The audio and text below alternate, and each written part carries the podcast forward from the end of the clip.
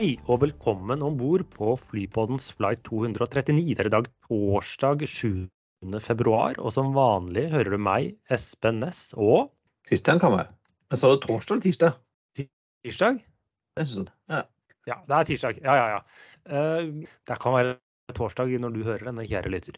Men i dag skal vi snakke om fly som drar, og fly som kommer. Passasjerer som har vært, og ikke minst kommende passasjerer, da vi har vært og snakket med Terje Berge hos finn.no. Eller heter det bare Finn? Eh, Jeg er litt usikker på. Det, han han Men sa finn.no reise, kalte han det. Ja, Da kaller vi det det. Mm, og i motsetning til oss som baserer vår ta- forskning på eh, nei, eh, våre tall på svogerforskning og magefølelse, så har han faktisk data som kan brukes til å spå fremtiden i flybransjen. Han sitter på noe av det beste som fins av data eh, når det gjelder eh, norske reisevaner og reiseønsker, tror jeg. Ja, som Mark Zuckerberg så sitter han på søkehistorikken din, han også. Og vi, vi fikk et uh, lytterinnlegg. vi lurte på hva Bonsa betydde. Og Ja, dette av de- i Australia. Ja.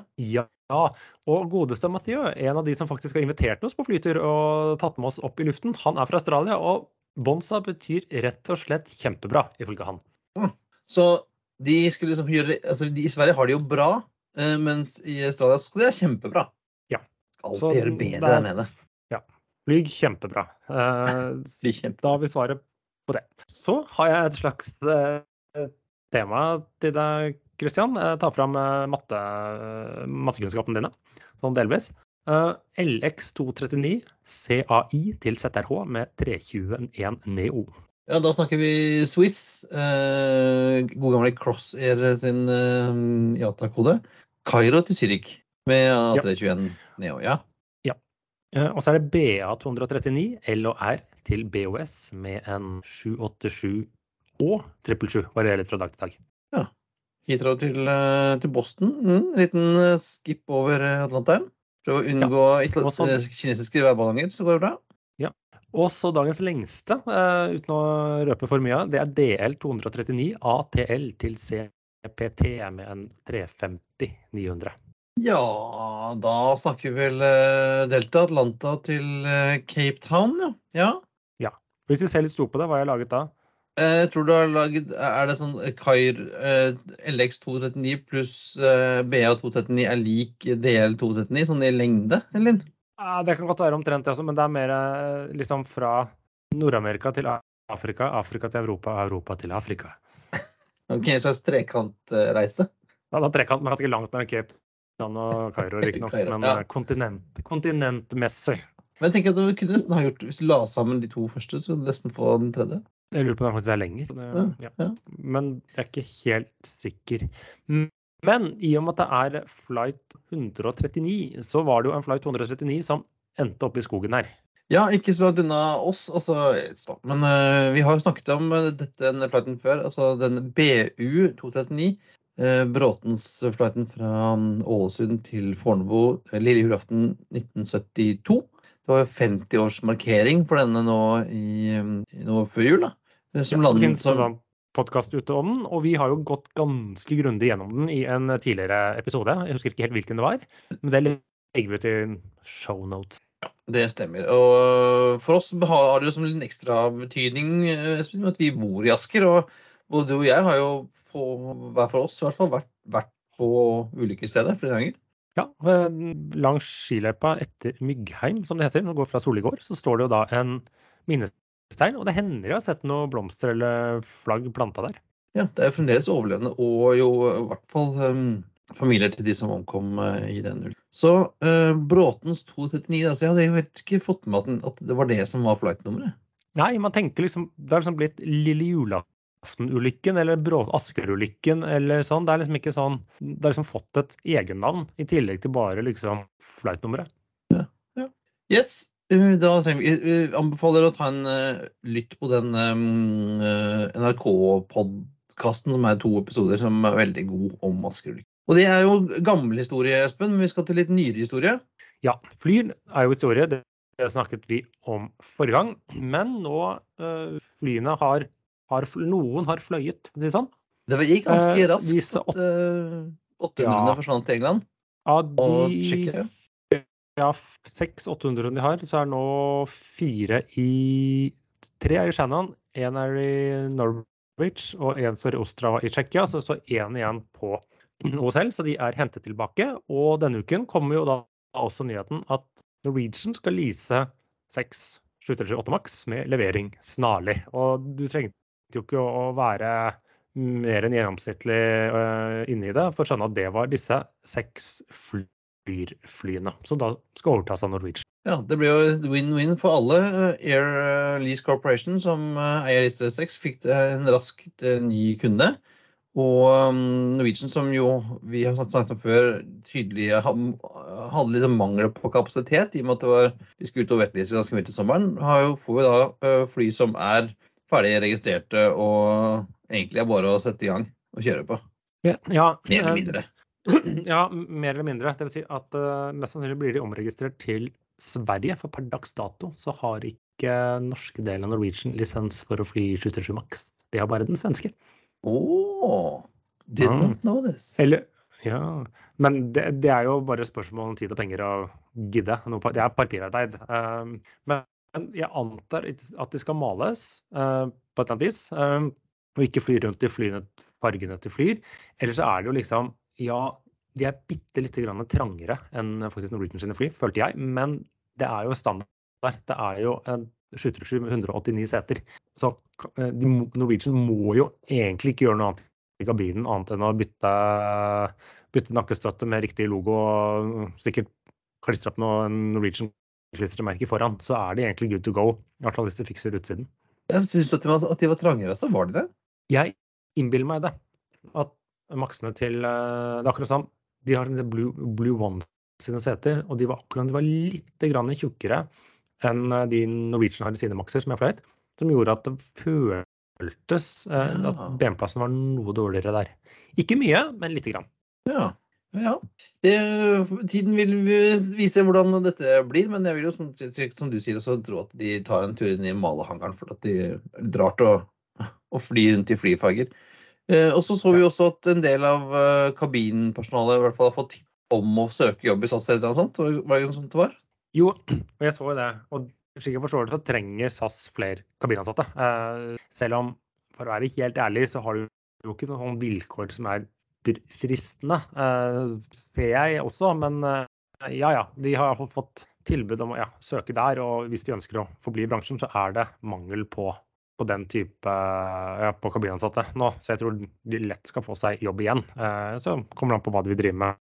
For de, har jo vært, de var jo litt sånn dugnadsprosjekt og litt mer det si en familie i Flyr enn de kanskje Mm. er i SAS. Det husker jeg ikke om vi snakket om i forrige uke. Vi rakk å få inn, få inn den informasjonen. Men det var jo snakk om at Flyr hadde en, skulle ha en avtale med et største europeisk flyselskap om å wetlease ut seks maskiner.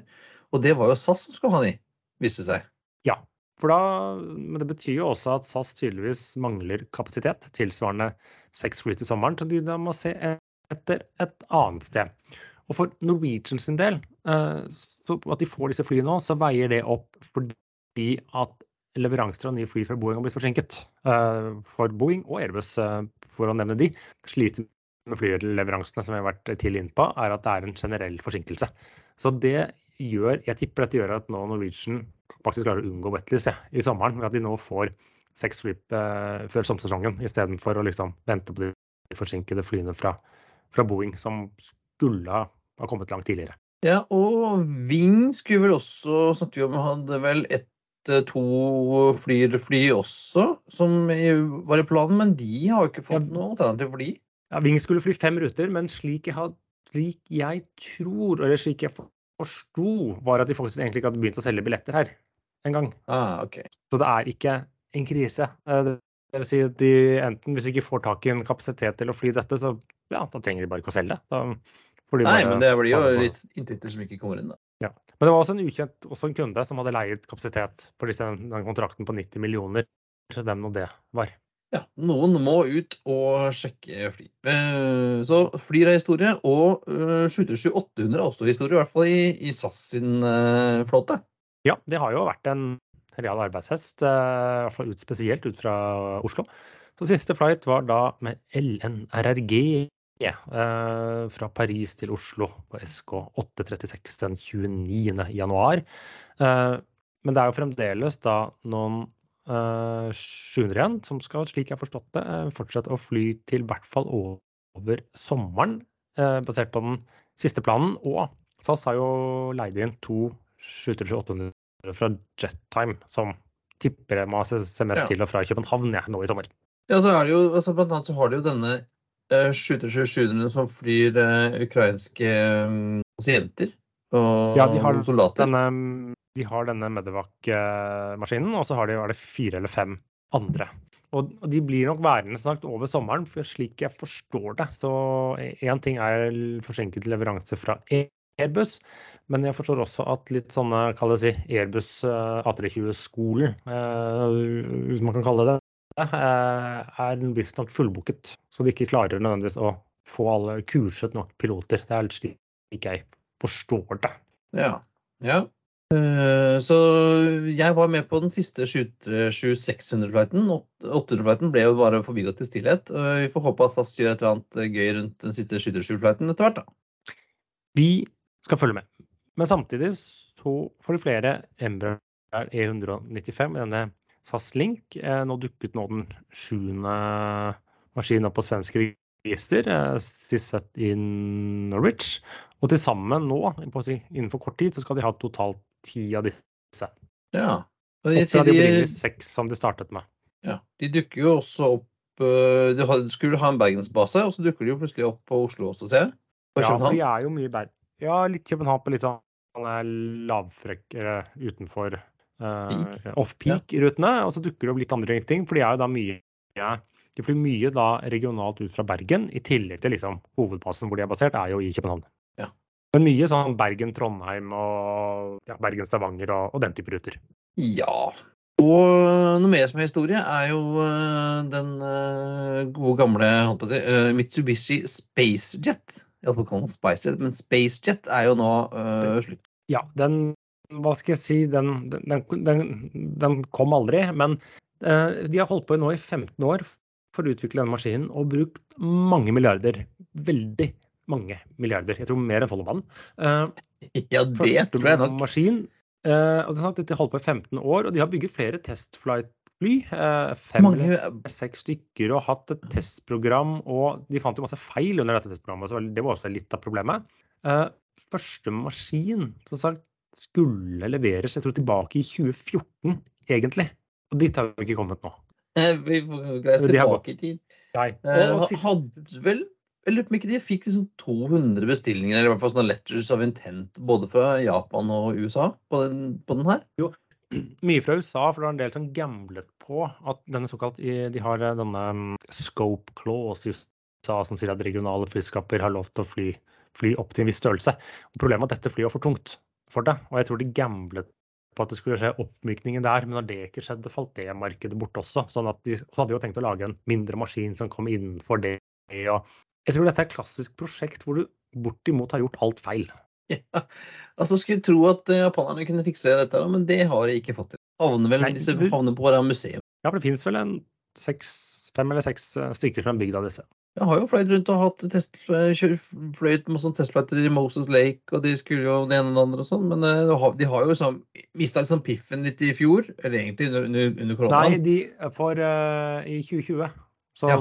to-tre år siden, jeg husker ikke når på året det var, så satte de altså, la de hele programmet på is og sa de måtte se jobbene. Så har man sikkert tenkt og regnet siden den gang, og nå har de rett og slett bare gitt opp. Nå liksom nå også- liksom vi ikke. Ja, og kjøpte jo også hele CRJ-linja fra, fra Bombardier, fordi at de hadde tenkt at eh, de skulle hjelpe dem med distribusjon og sånt.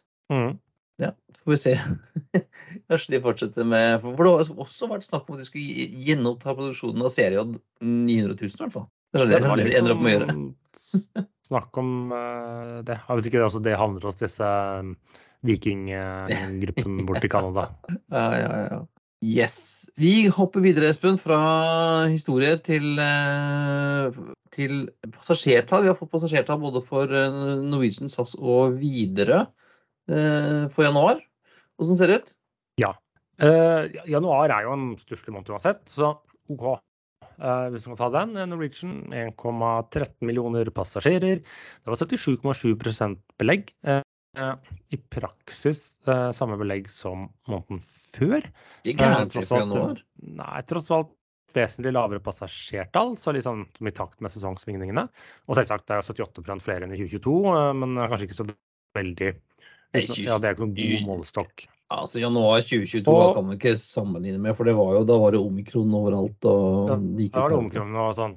Og januar er uansett elendig måned for flyselskapene her hjemme, og så det gjelder bare å begrense crashburn. Så de hadde jo da en eh, ja, totalgild på 0,72, en såkalt unit enhetskostnad, inkludert eh, en silver revenues på 56, 62 fly i drift. Så litt sammen etter mine beregninger skal dette gi en inntekter på 1,05 milliarder, og hvis vi bruker da kostnaden deres av Q3, som kan godt være at jeg bommer litt med, men eh, eh, så tapte de 220 millioner kroner i januar, som for Norwegian del er ja, helt greit. Selv om det er ikke, det er ikke så gærent. Ja.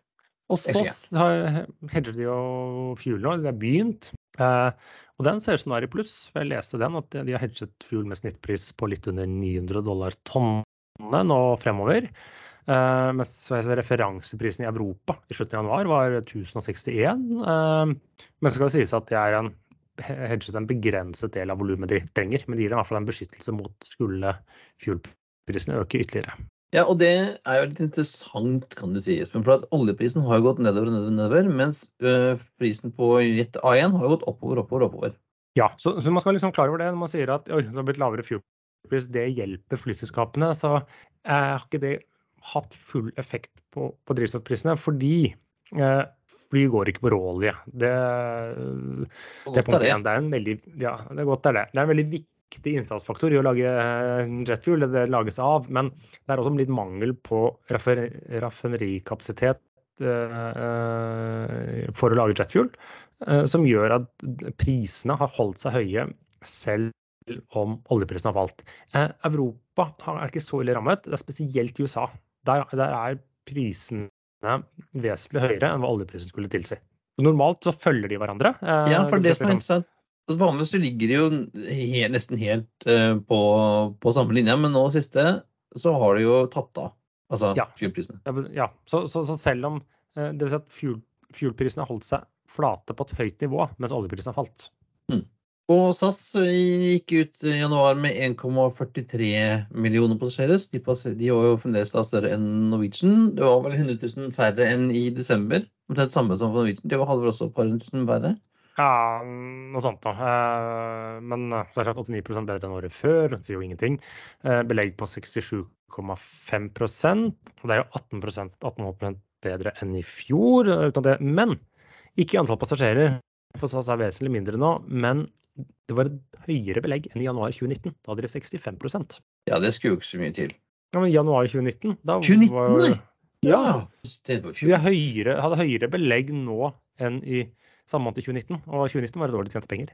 Ja. Året under ett. Vi kommer ikke til å gjøre det i år, bare til jeg har sagt det, av ymse årsaker. Eh, men sånn, de i hvert fall skal vi si at både SAS og Norwegian til en viss grad klart å tilpasse kapasiteten til etterspørselen. Ja, og videre, eh, i desember var jo Stein Nilsen ute og sa at det gikk så veldig dårlig, og det var mørkt og det var fælt og vondt og vanskelig. Men så kom januar, og da var det ikke så gærent allikevel.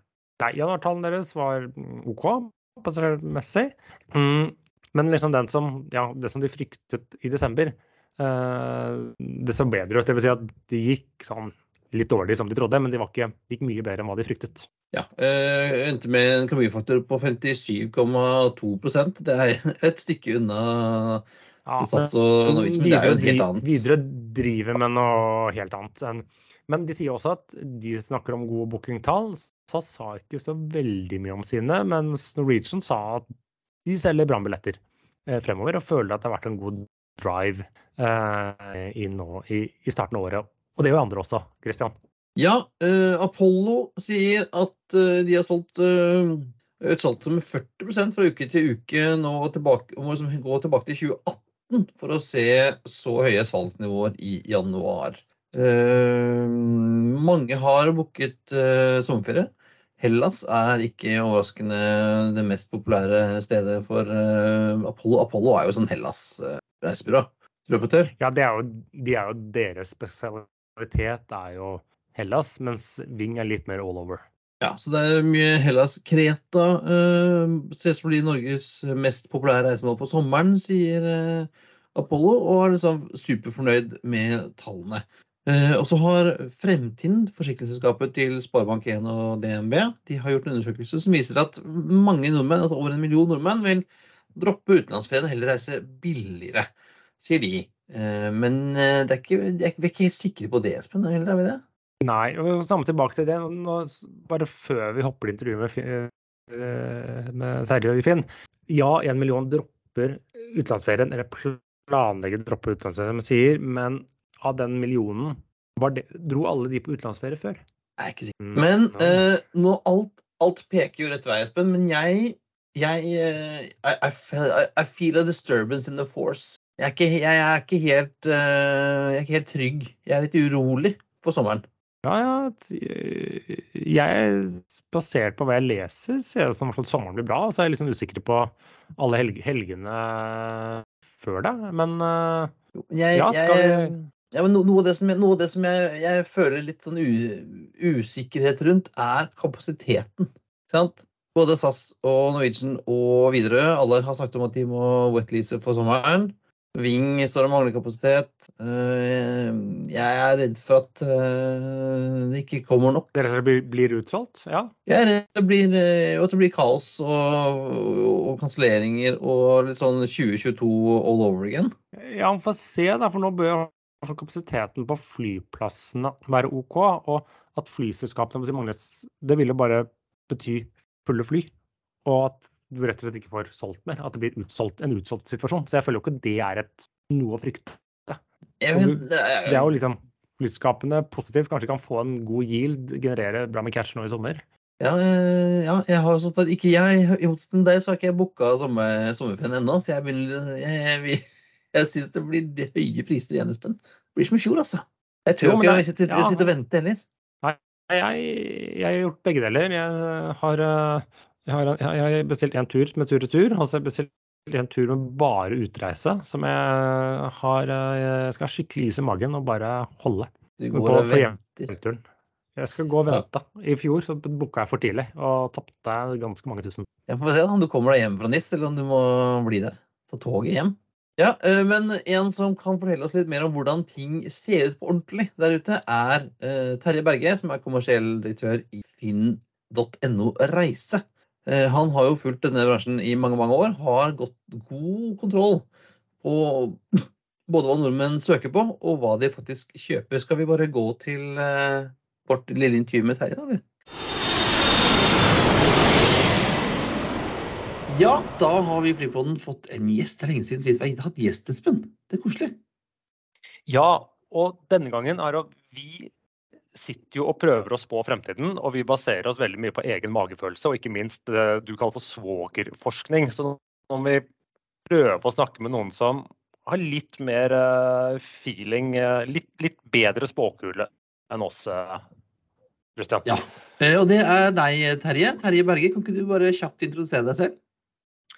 Jo, jeg er jo da kommersiell direktør på, på finn.no Reise, og det har jeg vært de siste 17 årene. og levert ut mye eh, ulike data til eh, de som vil ha det. Og vi pleier å ha en sånn skal vi si, slogan her på Finn at eh, jo mer vi deler, jo bedre gjør vi det begge. Ja, og um, de som husker tilbake, vet jo at du har vært gjest her før, back in the day. Uh, før Espen kom inn, egentlig. Så jeg tror uh, det var litt Men det som vi Gunther, vi spørre deg til å komme hos oss i dag, Terje, er at vi har jo sett at flere, både Apollo og TUI, mange har jo skrytt, charterselskapene har jo skrytt av at de selger så mye for sommeren. Men hvordan ser det ut hos deg? Du, jo, du selger jo alt. Ja, eh, det ser ganske likt ut eh, med charteroperatørene hos oss. Eh, vi får jo rapporter, og vi ser jo nøyaktig hva de gjør. Vi ser jo at ja, hele siste året så har det jo vært Spania som har vært hottere enn hottest, og, og, det ser sånn til å bli ut uh, til sommeren også, da. Uh, og, um, og nordmenn har ser ut til å booke veldig tradisjonelt til, til sommeren. Og det har de gjort i hele pandemien også, faktisk. Så hva er de, de tre vanligste reisemålene for nordmenn? Hvis vi sier land, da? Ja, til sommeren så blir det jo Hellas og, og Spania som, som, kommer til å, å, å si, vinne foran Kroatia og Tyrkia, Tyrkia bl.a. Selv om det er litt uro der nå, så ligger de nå i hvert fall høyt på lista. For vi har et verktøy her som uh, sier hva som uh, nordmenn har gjort de siste 30 dagene hos oss med avreise da til sommeren. Så vi ser jo at uh, de skal til de samme landene som de alltid har reist til, mer eller mindre. Det er ikke noe nytt.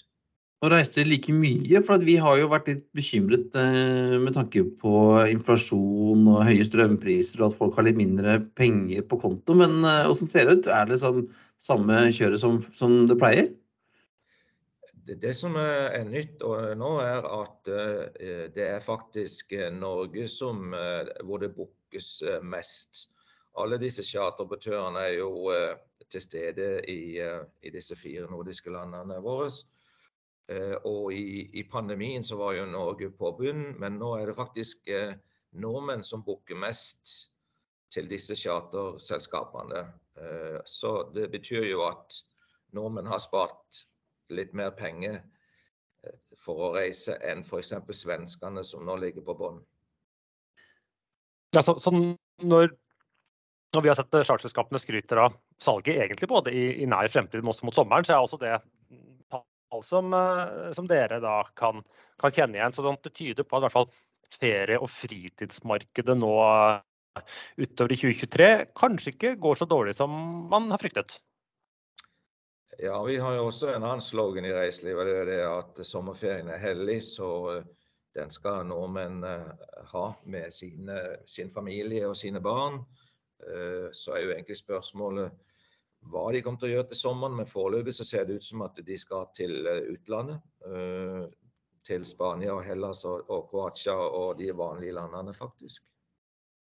For Fremtiden var ute med en rapport denne uka her, vel, hvor de sier at omtrent halvparten av nordmennene sier at de ikke skal dra på utenlandsferie, men det ser ikke ut som det stemmer? Vi har jo tatt masse undersøkelser i årens løp, og det de sier stemmer jo ikke alltid med hva de gjør.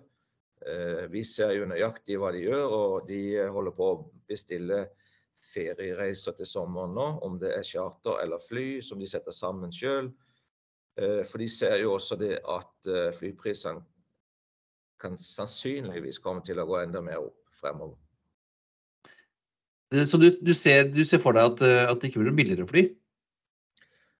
Ja, så nå er jo eh, flyr ute, og det betyr jo at tilbudet er eh, mindre. Det betyr jo egentlig ganske enkelt at prisene går noe opp fremover når man kan.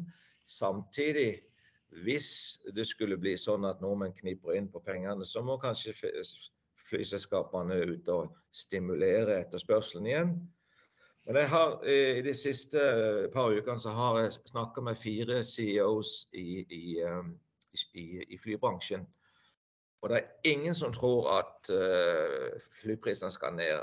Samtlige tror at flyprisene skal opp.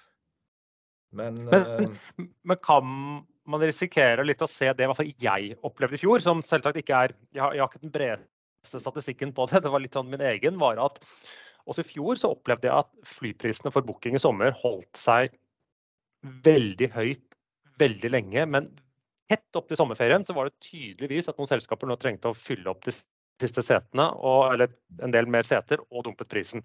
Selvsagt lenge etter jeg hadde bestilt, da. Så.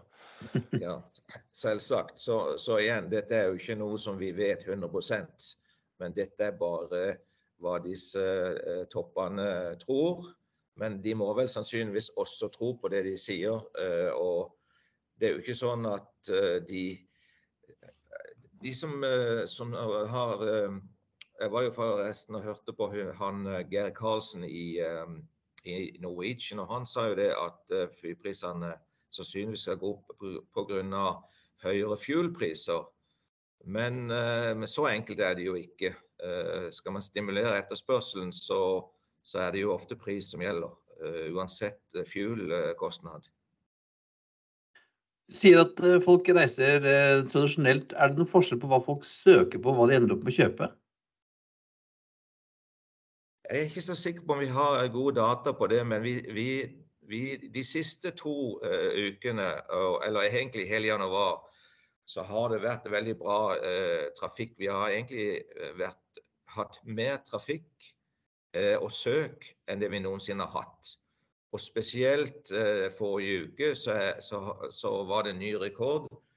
Eh, etter at flyr, flyr, forsvant, så var det jo en god del som måtte kjøpe nye billetter, for, for billettene de hadde, mm. var jo verdiløse da. Så den dagen etter Flyr eh, eh, gikk konkurs, det er den beste dagen vi noensinne har hatt på flybooking. Ja, det var helt Det kokte liksom hele dagen.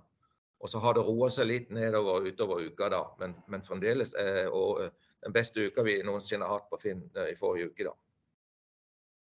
Så folk, fikk ikke reist fra seg i fjor? Nei.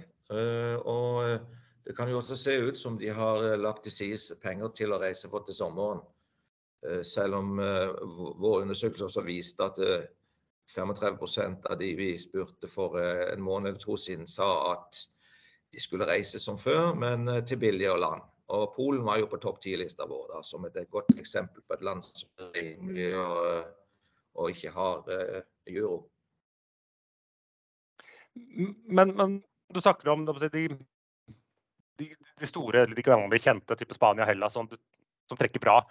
Er det noen markeder som man kan se nå overhodet ikke har kommet tilbake, eller har falt fra? Uh, hvor det kanskje var mer populært pre-korona?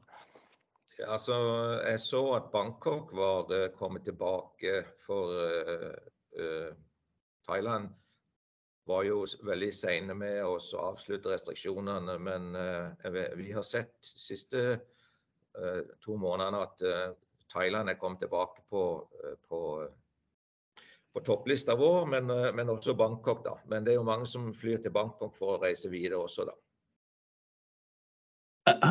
Ja, er det sånn at, at været påvirker dere òg? Altså når det er så bikkjekaldt som det har vært eh, en stund, er det sånn at folk løper for å kjøpe en, en billett til siden?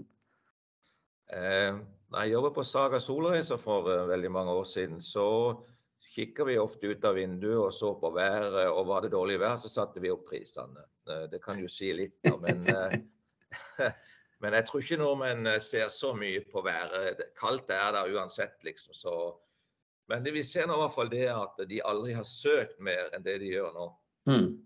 Det er jo også sannsynligvis for at de ikke finner det de vil ha. Kanskje prisene er høyere enn det de har trodd.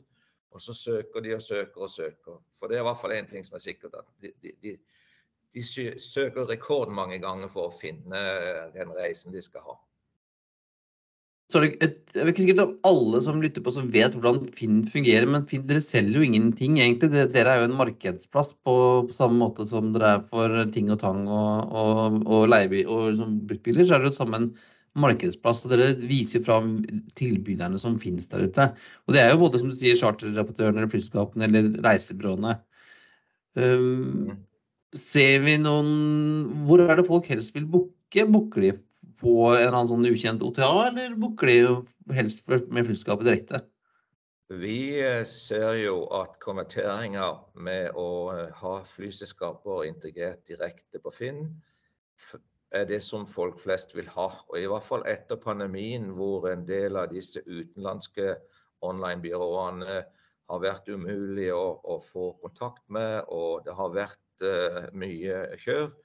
Så vi holder nå på å å lage eh, og revidere skal vi si, eh, flysøket vårt, eh, slik at når du da har bestemt deg hvor du skal reise eller hvem du skal reise med, så overfører vi det direkte f.eks. til Norwegian eller til Norse.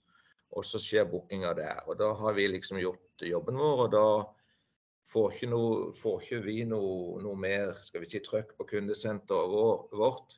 For da kontakter de jo selvfølgelig flyselskapet, og der får de jo som regel god service.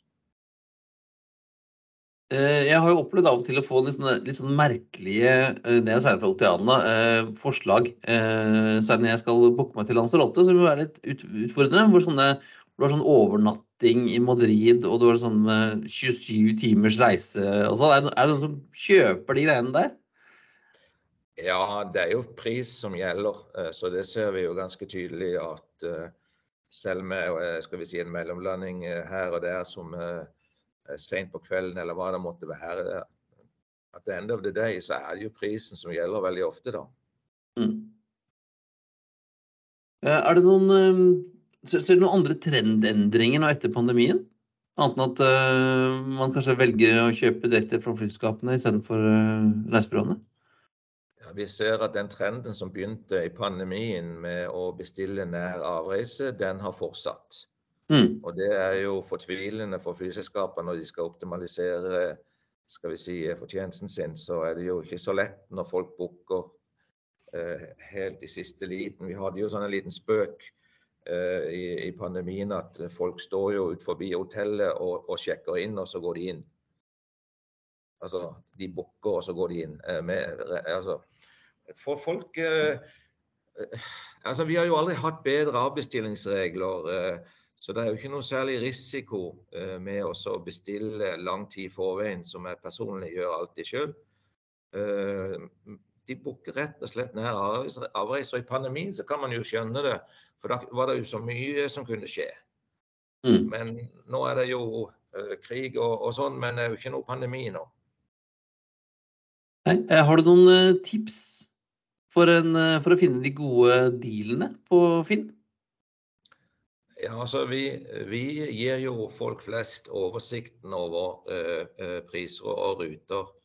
Uh, så, så det blir jo egentlig bare å gjøre en del søk, og så får man oversikten. Og så kan man jo da gjerne hoppe rett inn på flyselskapet hvis man vil det. Men man kan jo da i hvert fall bestemme sjøl hva man vil ha. Veldig enkelt og greit. Så vi som sagt, vi selger absolutt ingenting. Eh, Det vi prøver på, er å gi brukerne en, eh, en eh, god opplevelse. Gjøre det enkelt for dem. Og så kommer de tilbake igjen til Finn. Jeg ser du snakket om litt sånn, litt sånn inne på booking kort fram i tid. Vi kan dvele litt rundt det temaet. Eller bare sånn, man snakker om at tidligere at du nevnte at sommerferien er hellig, litt hellig for nordmenn. Den skal vi på. Men hvordan er dette mellomsiden? For jeg, nå kan jeg bare referere til hva både Norwegian og nylig sa i går, og hva kalles det nylig avdøde Flyr sa, er jo at um, Syden også har vært bra hittil i vinter. Er det også noe som stemmer? At folk faktisk også ikke bare venter til sommeren, men er, til, er i Spania nå. òg? Som jeg sa eh, tidligere, så har det jo vært fullt på Kanariøyene i hele eh, vinter. Eh, Og hver eneste mandagsrapport som jeg har sett fra våre charteroperatører, har vært eh, Spania, Spania, Spania i vinter. Eh, Og vi ser de flyr ned enda. Som jeg sa, så var jo Alicante på flytoppen eh, de siste 30 dagene nå. Så, eh, så Spania er hot. Selv om Euroland er jo dyrere enn andre land, så, så, så er det en favoritt. Og til sommeren så, så, så ser vi jo at det blir Spania og Hellas og Kroatia. De samme vanlige. Eh, Da tenkte jeg vi skulle avslutte, Terje, med våre tre faste spørsmål. Og du la jo opp en smash her, så for det ene spørsmålet er hvis du skulle velge deg en destinasjon du måtte reise tilbake, tilba, tilbake igjen resten av livet, hvilken destinasjon er det? Hawaii. OK. Ja, har du vært der ofte? Nei, eh, men eh, det var der vi uh, gifta oss. Oh. Men det er lenge siden. Det kan jeg love deg. Og så, og så er det det veldig ja-nei-spørsmålet. Det er da vindussete eller midtgang. Eh, alltid midtgang. Du er en som skal fort ut? Jeg har alltid en C eller en D. Og, det, og du vet hvilket flyselskap jeg snakker om nå. eh. Ja, ja, ja. ja. Jeg har sett deg på, på det settet jeg, en og annen gang, i hvert fall. Ja. Og siste spørsmålet, eh, kanskje litt mer eh, vanskelig å svare på, men eh, hva er din favorittflyplass? Min favorittflyplass, eh, ja Jeg, jeg syns Gardermoen er bra, men eh, vi var jo også i Doha en gang og kjørte business med Qatar. Eh, så jeg kan vel si at den også var fantastisk eh, bra med service og alt. Eh, ja, så man kan kanskje si det. Men da fløy du ikke bak i bussen, Terje? Nei, det er det jeg sier. Vi, vi, vi, kjørte business og satt og drakk Barolo der med en som passa på at ikke vi mista flyet, for da ble vi kjørt ut i en limo. Så kanskje det drar opp inntrykket mitt av den flyplassen. Jeg tenker med, med champagne eller Barolo og, og, mm, og, limo, så kunne det vært hvor som helst. Tenker jeg. Ja, ja det, det, kunne det jo. Eh, I pandemien så har man jo sett at det er en del flyplasser som ikke kommer helt tilbake igjen. Ja.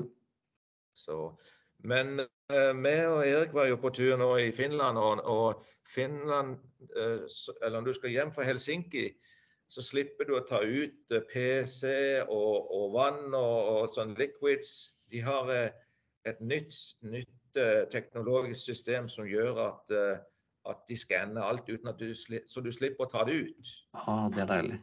Ja, ikke sant? Så, uh, så de, de, vil jo komme høyt på lista når du spør meg om fem år til.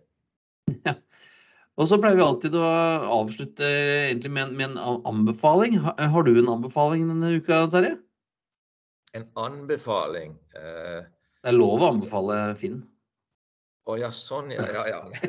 Selvfølgelig anbefaler en, en nøytral eh, markedsplass som Finn. Det er jo klart det gjør. Men jeg, i denne uka her eh, og fremover har jeg mest fokus på, på cruise. For jeg holder på å lage et uh, bursdagscruise. Jeg skal ikke si hvor gammel jeg blir, men jeg har et rundt tall til høsten. Og det er allerede 150 stykker som skal være med og feire med på et cruise i Middelhavet. Oi! Ikke dumt. Ikke dumt. Nei, så det tar litt tid. Det forstår jeg. Men jeg får, Men, god, hjelp av, jeg får god hjelp av Bente på Roy Caribbean, som du sikkert kjenner. Ah, ja, ja, men da er det gode hender. Ja. Men da sier vi tusen takk for at du var med i Flypodden, Terje. Og så får lykke til med sommersalget. Håper at eh, det fortsetter å gå opp i himmelen. Ja, det ser bra ut. Så får vi heller snakkes uh, hvis du trenger noen noe flere data fremover. Det, vi, det, gjør vi. Og, og god tur på cruise.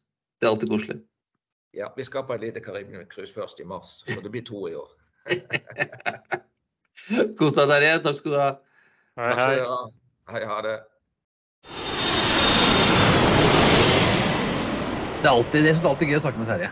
Eh, vi hadde jo, jeg hadde jo en intervju med Terje allerede første gangen i Flypodens historien i episode 83.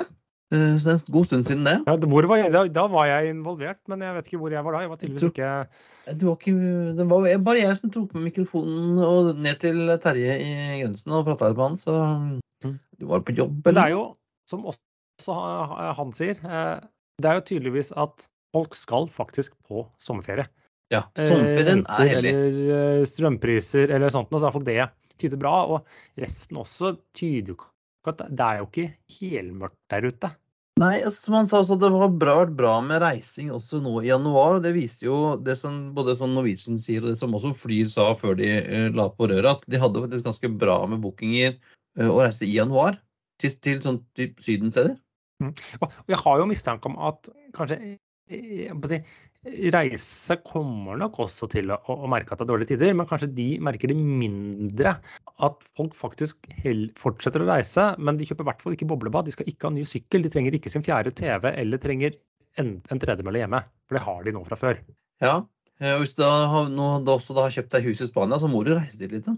Du må jo ta en tur ned og sjekke forholdene og, og sjekke at det ikke blir grønske i bassenget og sånn. Ja, nei, så så, så må man se hvordan våren går. da. Hvis det bøtter ned i våres, så da vil jo én strømprisene falle, og to folk blir så lei at de drar til Syden. Ja, Det er en win-win. Altså, Flybransjen må håpe på mye regn og i Norge og mye vind i Europa. Eh, så jeg tror vi får, vi får gjøre som, eh, som eh, Terje sier, da, sjekke ut reisene på Finn. I hvert fall så bruker jeg bruker ofte Finn til liksom å se på hvilke muligheter som finnes. Det er vel det som du gjør også for å komme deg hjem, hjem fra NIS?